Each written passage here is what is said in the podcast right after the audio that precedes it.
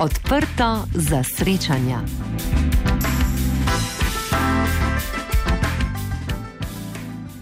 Gospod predsednik, dobrodošli na naših radijskih frekvencah. Hvala za vabilo.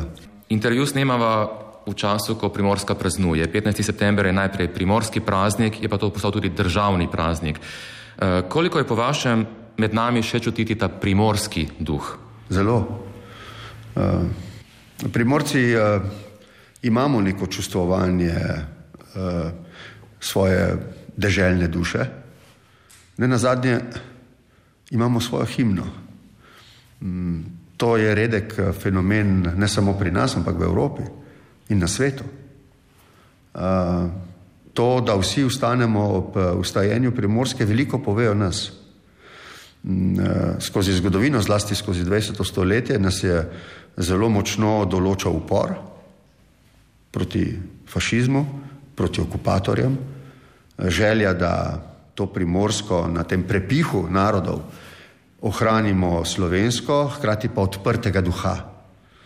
To se mi zdi najbolj pomembno, da v vsem našem eh, razvoju vidimo stremljenje po obojem, da ostanemo primorci, slovenci, a hkrati vedrega, odprtega duha, pripravljeni sodelovati vsemi, eh, tako navznoter v državi, kot zlasti seveda z našo eh, sosedo Italijo. In tukaj se mi zdi, da eh, gredo stvari v pravo smer, zlasti in kolikor bo tukaj skupnega evropskega doma. Ta nam ponuja možnost, da naredimo nekaj, kar morda v vsej naši zgodovini še ni bilo storjeno. Vem, za primer dam recimo sodelovanje obeh Goric pri pripravi eh, torej, Evropske prestolnice kulture. To, to so taki mejniki, eh, ki so lahko zelo pomembni za eh, razvoj primorske v prihodnje. Eh, tukaj mislim na gospodarsko, politično, vsako sodelovanje in s Furlanijsko krajinjo in z Venetom, vse do Lombardije. Mm, to je neka priložnost, ki jo morda mi premalo, če smem tako reči, izkoriščamo. Ta čezmejni regijski skupen eh, prostor. Tudi ko govorimo o obeh goricah, eh, veste, da govorimo, vsaj jaz osebno, kot o veliki priložnosti, da morda nastane to eno mesto iz dveh goric. To, in ne iz dveh goric, ki sta bili ločeni. To sta dve gorici, ki sta ločeno nastali.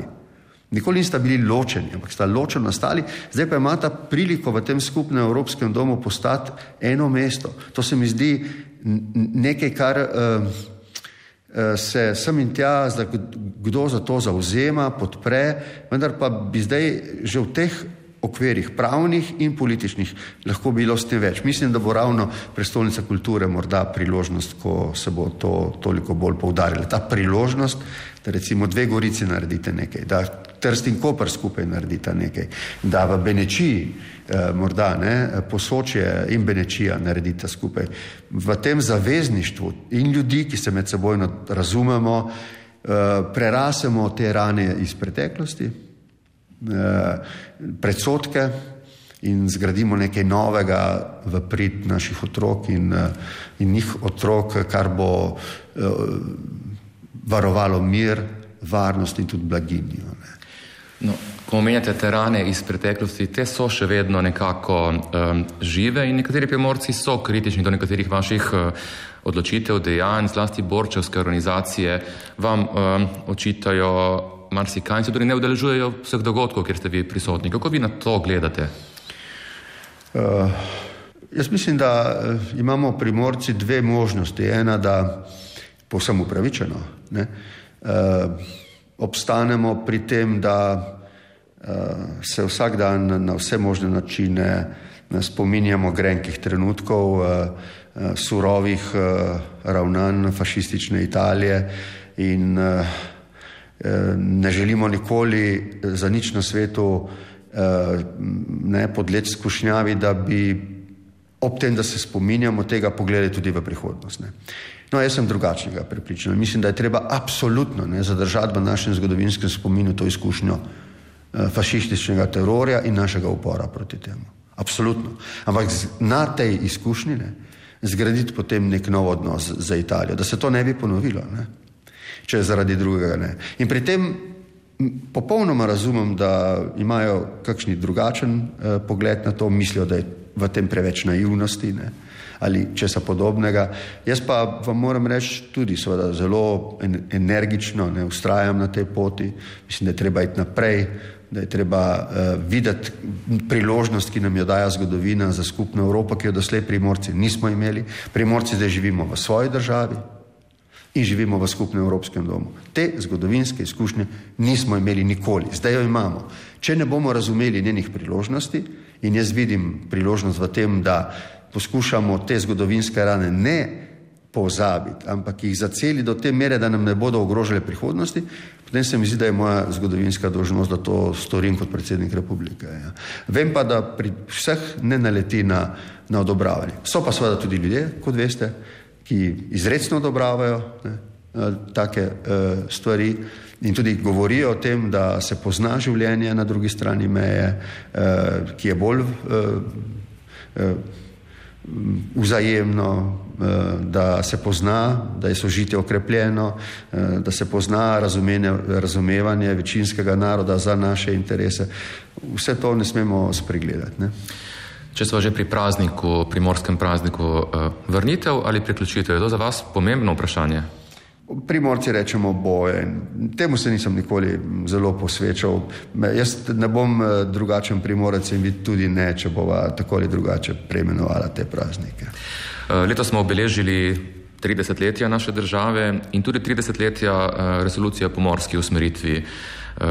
Vas vse, kar se je dogajalo z reševanjem meje na morju in arbitražo, morda še boli, ker ste morda razočarani, da, da sosednji državi Slovenija in Hrvaška nista dokončno rešili tega vprašanja. Torej, vprašanje je rešeno, zlasti za, o, glede meje. Dejanjeno pa še ni. Ja, ja. Torej, eh, meja na morju je določena. Uh mhm. -huh. Za razliko od meje na kopnem, ki ni, torej, uh, uh, ki ni označena, meja na morju je.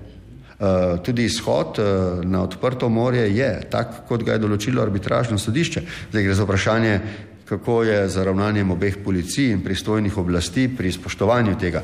In kot ste sami rekli, tako na meji kot na morju, zaenkrat strani Hrvaške te vzajemnosti ni. Uh, seveda, raje bi videl, če bi prej kot slej prišlo do razumevanja, da to je edina rešitev. Ne? da druge ni. Uh, mislim, da se bodo vsi dokopali do tega, prej ali slej.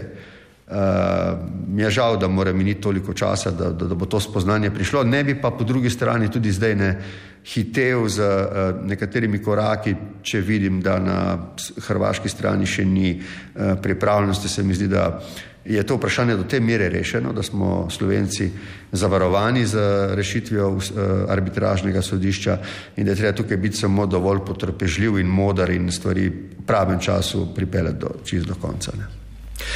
Gospod predsednik, pridiva zdaj k aktualnim razmeram v državi, čaka nas zagotovo težka uh, jesen. Zanima me po vašem mnenju, smo na njo uh, pripravljeni, sta politika in stroka naredili vse, kar bi morali Gotovo smo upali, da bo z prihodom cepiva problem epidemije rešen, ker se bo precepilo dovolj ljudi, ostali del pa bo recimo to prebolel uh, ali pa bo prekužen. To se žal ni zgodilo. Um, v nasprotju z našimi upanji je veliko ljudi, ki ima dvome, ima strahove in ima zadržke do cepljenja. Dokler bo tako, bomo živeli v nekem nepredvidljivem eh, svetu, kjer bomo samo ugibali, kakšna bo igra številk in kako se ji bomo prilagajali. Zame je pomembno, da šola je, da je šola. To se mi zdi ključnega pomena, zato sem si zelo prizadeval, kljub temu, da se osebno sicer ne vtikam v politiko ukrepanja, ampak kolikor sem vodil te posvete, kolikor sem bil povabljen k uh, temu, da povem svoje mnenje, se mi je zdelo na osnovi izkušenj, ki sem jih lahko imel za ljudmi in njihovimi ali spodbudami ali kritikami, da je pomembno, da šola je. To je prva stvar.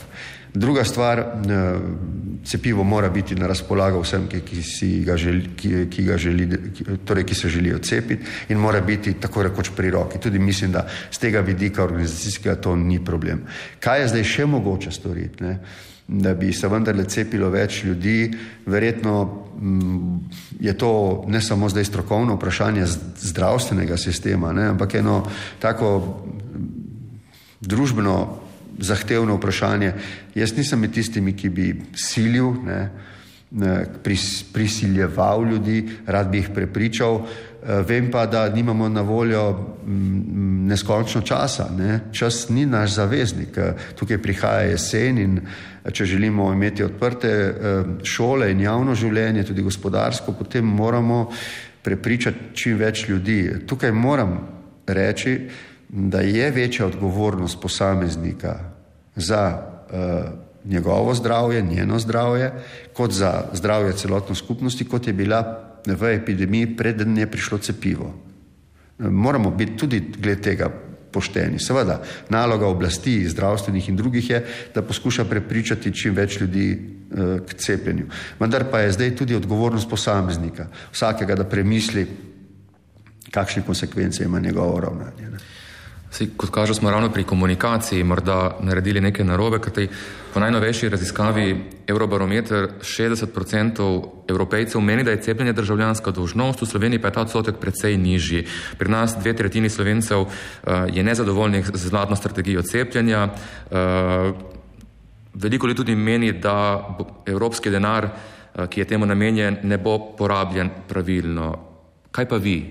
A vi še zaupate tej vladi pri tej bitki? Uh, glede, uh, jaz nisem tisti, ki določa, uh, kdo vodi Slovenijo, ampak je državni zbor. Državni zbor zaenkrat zaupa tej vladi. Moja dolžnost, se tako razumem svoj položaj kot predsednika republike, da s to vlado sodelujem. Te vlade niti ne podpiram, niti je ne poderam, z njo sodelujem. Nima lahke naloge, praktično od prvega dne vodi uh, reguliranje te epidemije.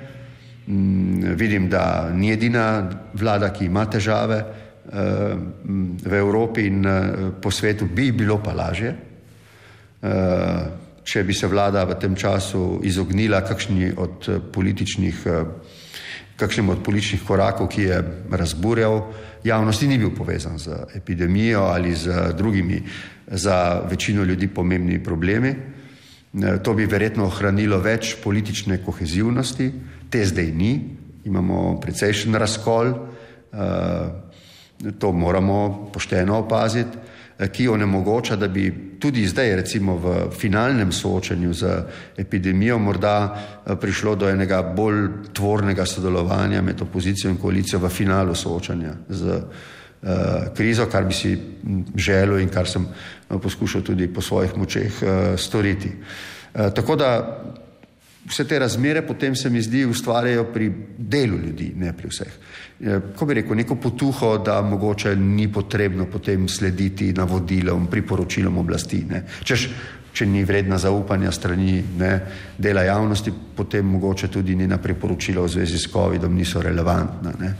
Jaz pa mislim, da eh, vendarle slovenska vlada, tako kot eh, druge, upoštevajo v glavnem smernice znanosti, ne, domače in mednarodne, in da uh, je tukaj v tem smislu pač treba poudariti. Vlada se trudi po svojih močeh, morda dela napake, vendar pa dela v okviru znanstvenih pristopov in znanosti je potrebno zaupati. Ne. Ko omenjate druge bitke, ki bi jih morda bilo vredno postaviti nekako v zadje, zagotovo ena je boj z, mediji, v katero ste se vi tudi aktivno vključili. Um, vemo, saga za Slovensko tiskovno agencijo traja že predolgo, bomo rekli. Tudi na RTV-ju smo tarča konstantnih kritik ob zadnjem nedopustnem incidentu, ko se je zgodilo, da so protestniki celo udrli v naše prostore, pa smo bili celo deležni očitkov, da smo si sami krivi. Ste se kot predsednik, se vam zdi dovolj odločno, glede te teze odzvali? Ja, jaz sem rekel natančno tisto, kar se mi zdi, da je potrebno reči.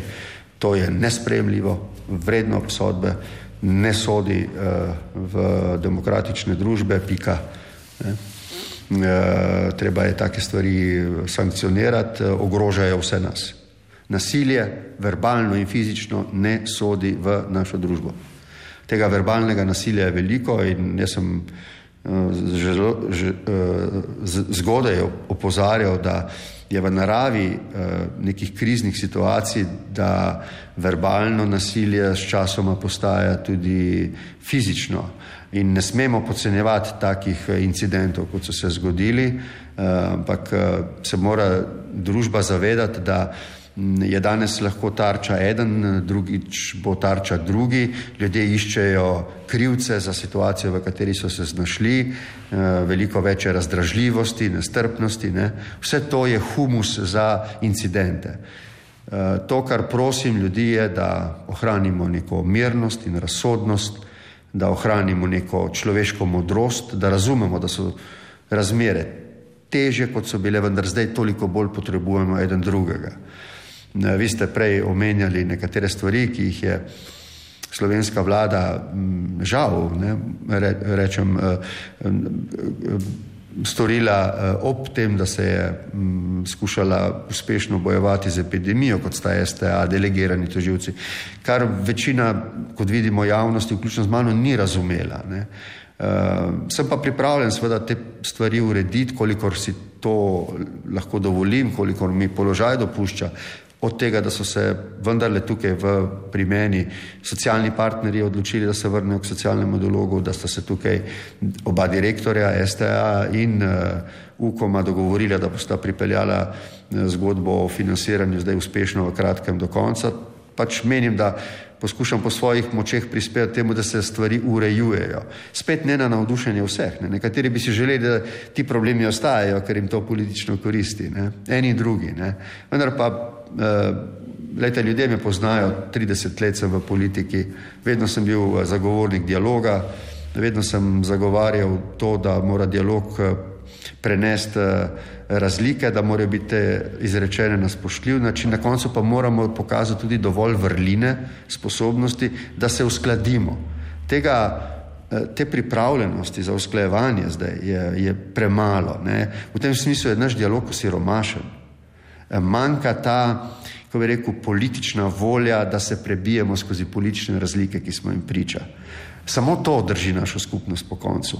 In jaz sem prepričan, morda se motim, pa mislim, da ne, da je neka tiha večina ljudi, ki si želi zmernost, ki si želi eh, enega demokratičnega urejanja stvari, mirnega, razsodnega in eh, želim biti glasnik eh, te večine.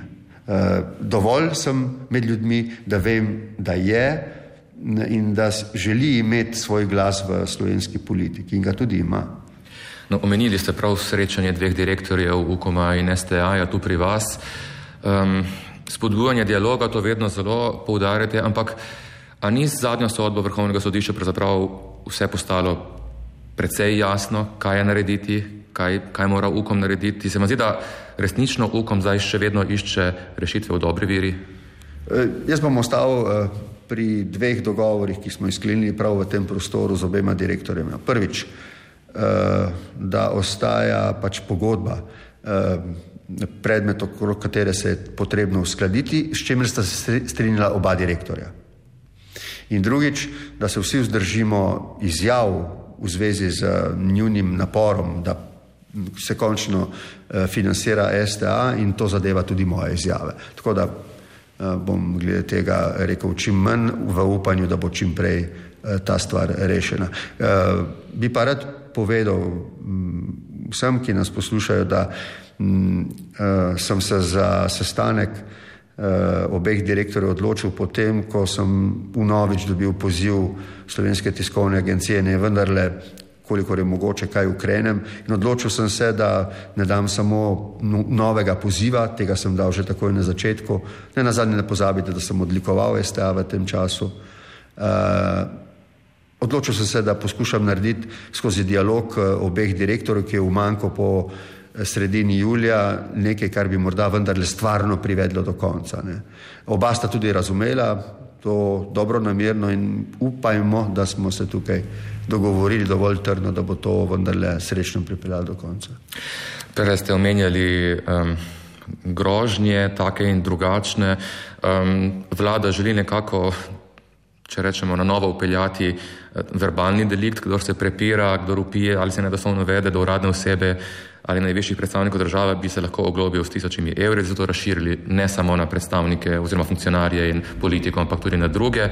Ampak A se vam zdi to, to potrebno? Bi, če rečemo čisto tako plastično, vi želeli, da koga oglobijo, če bi vas, na primer, na eni proslavi izžvižgal? Ne, prav gotovo, da ne. Jaz sem eh, predstavnik eh, oblasti in eh, sestavni del demokratičnega dialoga je tudi to vrstna kritika, zlasti na manifestacijah, na protestih, je pričakovane politične korektnosti manj. Tisto, kar pa javnost upravičeno pričakuje od vseh, tudi tistih, ki so kritični do oblasti, da eh, tukaj ne pride do nobenega izgreda fizičnega nasilja.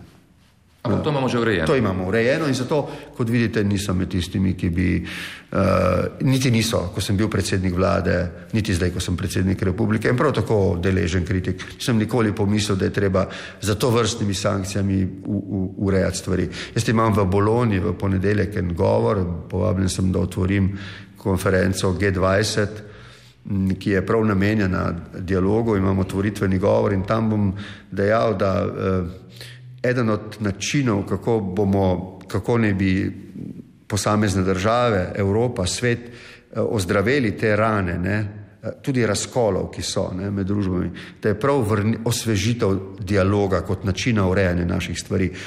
Ta dialog sem je, kot sem prej rekel, se je osiromašil, ne, eh, zreduciral se na to, da vsak pove svoje stališče.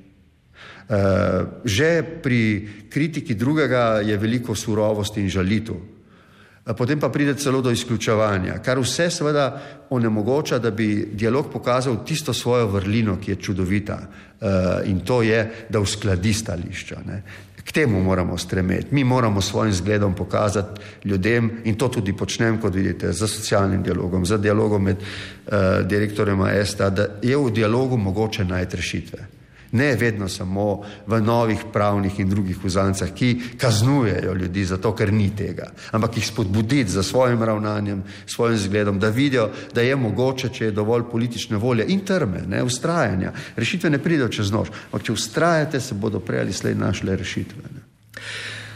Gospod predsednik, pogovarjava se v času, ko beležimo 20. obletnico pomembnih dogodkov, terorističnih napadov v ZDA, ki so zagotovo spremenili svet. Eh, tudi naša država je sodelovala v vojni v Afganistanu, ki se je zdaj po dveh desetletjih končala tako, da so na oblasti spet eh, talibani.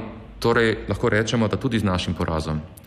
Eh, ali smo moralno odgovorni po vašem sprejeti begunce, ki državo zapuščajo in jo zagotovo še bodo zaradi razmir tam? Uh, toliko, kolikor lahko poskrbimo za nje. Eh, mislim, da ni mogoče ne po mednarodnem pravu, ne po neki moralni eh, drži usiliti eh, nobeni družbi nikogar, za katerega ta ne more poskrbeti, ker potem pride znova v, v, v težave. Mislim, da mora na ravni Evropske unije priti do skupnega dogovora. To nas je naučila kriza za ilegalnimi migracijami leta 2015. K temu tudi apeliram.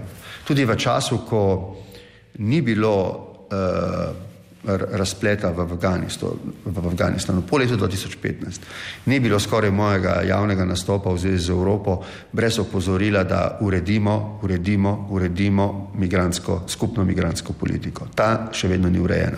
To, kar danes vemo, je, da potrebujemo nekaj več uspešnega skupnega nastopanja na zonanjih mejah Evropske unije. V redu. Ampak to očitno še ni dovolj. Potrebujemo recimo tudi odgovor na vprašanje, kaj z ljudmi, ki so nam pomagali v Afganistanu in so tam še vedno. Ker tiste, s katerimi smo mi sodelovali, smo mi na, po najboljših močeh tudi skušali rešiti. Ampak tam bodo še ljudje, ki bodo trpeli zaradi unovičnega prihoda na Talibanu na oblast in evropska politika zdaj išče odgovore na to vprašanje. Teh še nima je, moje stališče je samo, eh, najprej dosežimo dogovor o tem, kako bomo ravnali z njimi in eh, potem poskrbimo v skladu s tem za, za to vprašanje. Delite morda strahove nekaterih, da bi, tam, da bi tam lahko spet vzniknila Al-Kaida uh, zaradi vseh razmer, ki se zdaj dogajajo? Mislim, tudi kot politolog, ne samo kot politik, moram zdaj pogledati na ta razpon 20 let uh, in ugotoviti, da kar smo brez zamere vendarle bolj ali manj vedeli že prej, ne, da, so, da je zlasti v soočanju s terorizmom ne, sila deluje le deloma. Ne. E, terorizem ima neko posebno naravo svojega delovanja, ki je odporen na uporabo sile proti njemu. Ne. E, seveda, vsi drugi ukrepi terjajo čas, e, so veliko bolj kompleksni. Ne. Eh, namreč ustvarjanje okoliščin, ki potem terorizmu niso naklonjene ne, eh, v državah, kjer vznikne. To seveda potrebuje eno zelo dolgoročno eh, odločenost mednarodne skupnosti, da tako nastopi in bom rekel naslednje. V luči te izkušnje z Afganistanom po 20 letih ima zdaj priložnost človeštvo znova, ne, mogoče na ravni organizacije Združenih narodov, ne, ugotoviti, da če se hoče boriti proti terorizmu, ki ogroža mednarodni mir in varnost, potem mora sistematično ravnati tako, da izboljšuje razmere tam, kjer eh, zaradi občutka kri, velikih krivic ne, in uh, ljudje nekako sprejemajo terorizem kot uh, legitimno ravnanje. Ne. Uh, mislim, da je to edina pot, da v 21. stoletju zavarujemo mir. Uh, mi se ne moremo slepiti. Eh, prav eh, islamska država deluje v več deset državah danes, eh, različne druge teroristične skupine so še vedno žive in živahne in uspon talibov na oblast bo deloval kot legitimacija njihovih, njihovih načel. Tako da mislim, da je prišel trenutek, ko mora mednarodna skupnost pokazati zdaj eno sposobnost ene refleksije, tudi samokritike ne? in ugotoviti, kako je s posredovanjem v mednarodni skupnosti, z legitimnostjo posredovanja. Uh, vse to čaka tudi Slovenijo, seveda. In uh, tukaj moramo biti precej pošteni in pogumni v tej diskusiji. Ne? Imamo priložnost zdaj po teh izkušnjah, da pridemo do novih spoznanj, ne? ki pa niso politično enostavne. Gospod predsednik, vrniva se še malce uh, domov. Kot predsednik odločite tudi o pomilostitvah. Um, od vseh predsednikov do zdaj ste bili pri tem um, po statistiki sodeč uh, najbolj zadržani. Uh, lani je odmeval predlog, da bi ob 30. obletnici samostojne države skupinsko pomilostili uh, starejše, bolehne zapornike. Uh, kako je s temi oziroma ali razmišljate še, da bi koga pomilostili v izteku tega vašega mandata? Torej, že v volilni kampanji sem glede te izključne pravice predsednika napovedal mojo veliko zadržanost. Eh, tega se tudi držim. Eh, kot veste, predsednik republike na koncu odloči suvereno, vendar potem, ko ima predloge oziroma nasvete, če hočete, eh, državno-tožilskega, torej državnega tožilstva, ministrstva za pravosodje, kazenskih institucij, ne, zelo redko prihaja do situacije, kjer se vsi strinjamo, da bi bila pomilostitev pravilen ukrep predsednika republike, zelo redko. In samo, če se običajno potem tudi sprejme odločitev, kajti opazil sem pri nekaterih, tudi tistih redkih, ne, ko ni bilo skupnega strinja, je bilo potem precej vihravega eh, javnega komentiranja primernosti take odločitve. Eh, tako da ja, tukaj bom verjetno do konca zadržal eh, konzervativno, zadržano stališče, kar se tiče mojega predloga pravosodnemu ministrstvu, da eh, tudi svojo komisijo, ki jo imam, ne, komisijo za pomilostitve, sem se dokopal do nekega spoznanja, da bi bilo mogoče v luči 30. obletnice naše državnosti, tako kot to naredijo tudi nekatere druge države, ne, eh, morda premisliti o m, torej, pomilostitvi m, večjih eh, kaznencev skupaj, eh, zlasti tistih, ki so recimo v velikih zdravstvenih težavah ali pa za katere je jasno, da ne, ne bodo nikoli več storili očitanega kaznivega dejanja in da ga obžalujejo. Ampak mi smo predlagali, da gremo predvsem na stare in bolehne. No, mislim, da potem na pravosodnem ministrstvu za to ni bilo posluha in uh, potem do takega predloga ni prišlo. Gospod predsednik, počasi bova zaključila ta najn pogovor. Zanima me, ali morda že razmišljate o, o koncu mandata in kaj potem. Želite nadaljevati politično kariero doma v tujini ali morda že nestrpno čakate čas bolj umirjenega življenja? Uh, to delo opravljam zelo rad. Je bolj težko, kot morda kdo meni, vendar, ker ga opravlja nekdo, ki ga ima tako rad, zgleda, da je enostavno. Uh, opravljal ga bom čisto do zadnjega dne, v skladu z mojimi pristojnostmi, potem pa bo dovolj časa, da se bom odločil, uh, kako naprej. Um, samo še to na volitvah pred uh, štirimi leti. Uh, vas je izvalo kar nekaj proti kandidatk, mislim, da jih je bilo pet. Ali lahko morda po vašem mnenju Slovenija v prihodnje dobi prvo predsednico države? No, ena izmed značilnosti prihodnje leto bo tudi mojih, da se bom popolnoma vzdržal vsakih komentarjev o volitvah, popravljal bom svoje delo, ljudje pa bodo izvolili predsednico ali predsednika, tako kot bodo menili, da, da je prav, da, da ga imajo. Samo še to, ker ste se javno cepili med prvimi in zdaj je veliko govora tudi o tem tretjem poživitvenem odmerku. Vas to uh, razmišljate o tem, ga želite, ga boste? Takoj, ko končava ta pogovor, imam uh, tukaj uh, ministra za zdravje, poklukarja, imam uh, svetovalno skupino pod vodstvom profesora dr. Beovičeve in gotovo bo eno izmed vprašanj tudi, kdaj se mi zdi primerno, da bi se iz takih in drugačnih razlogov cepil s, tretji, s tretjim poživitvenim odmerkom. Ja. Gospod predsednik, hvala za vaš čas in vse dobro vam želim. Ja, hvala vam. Srečno. Radio Koper na vaši valovni dolžini.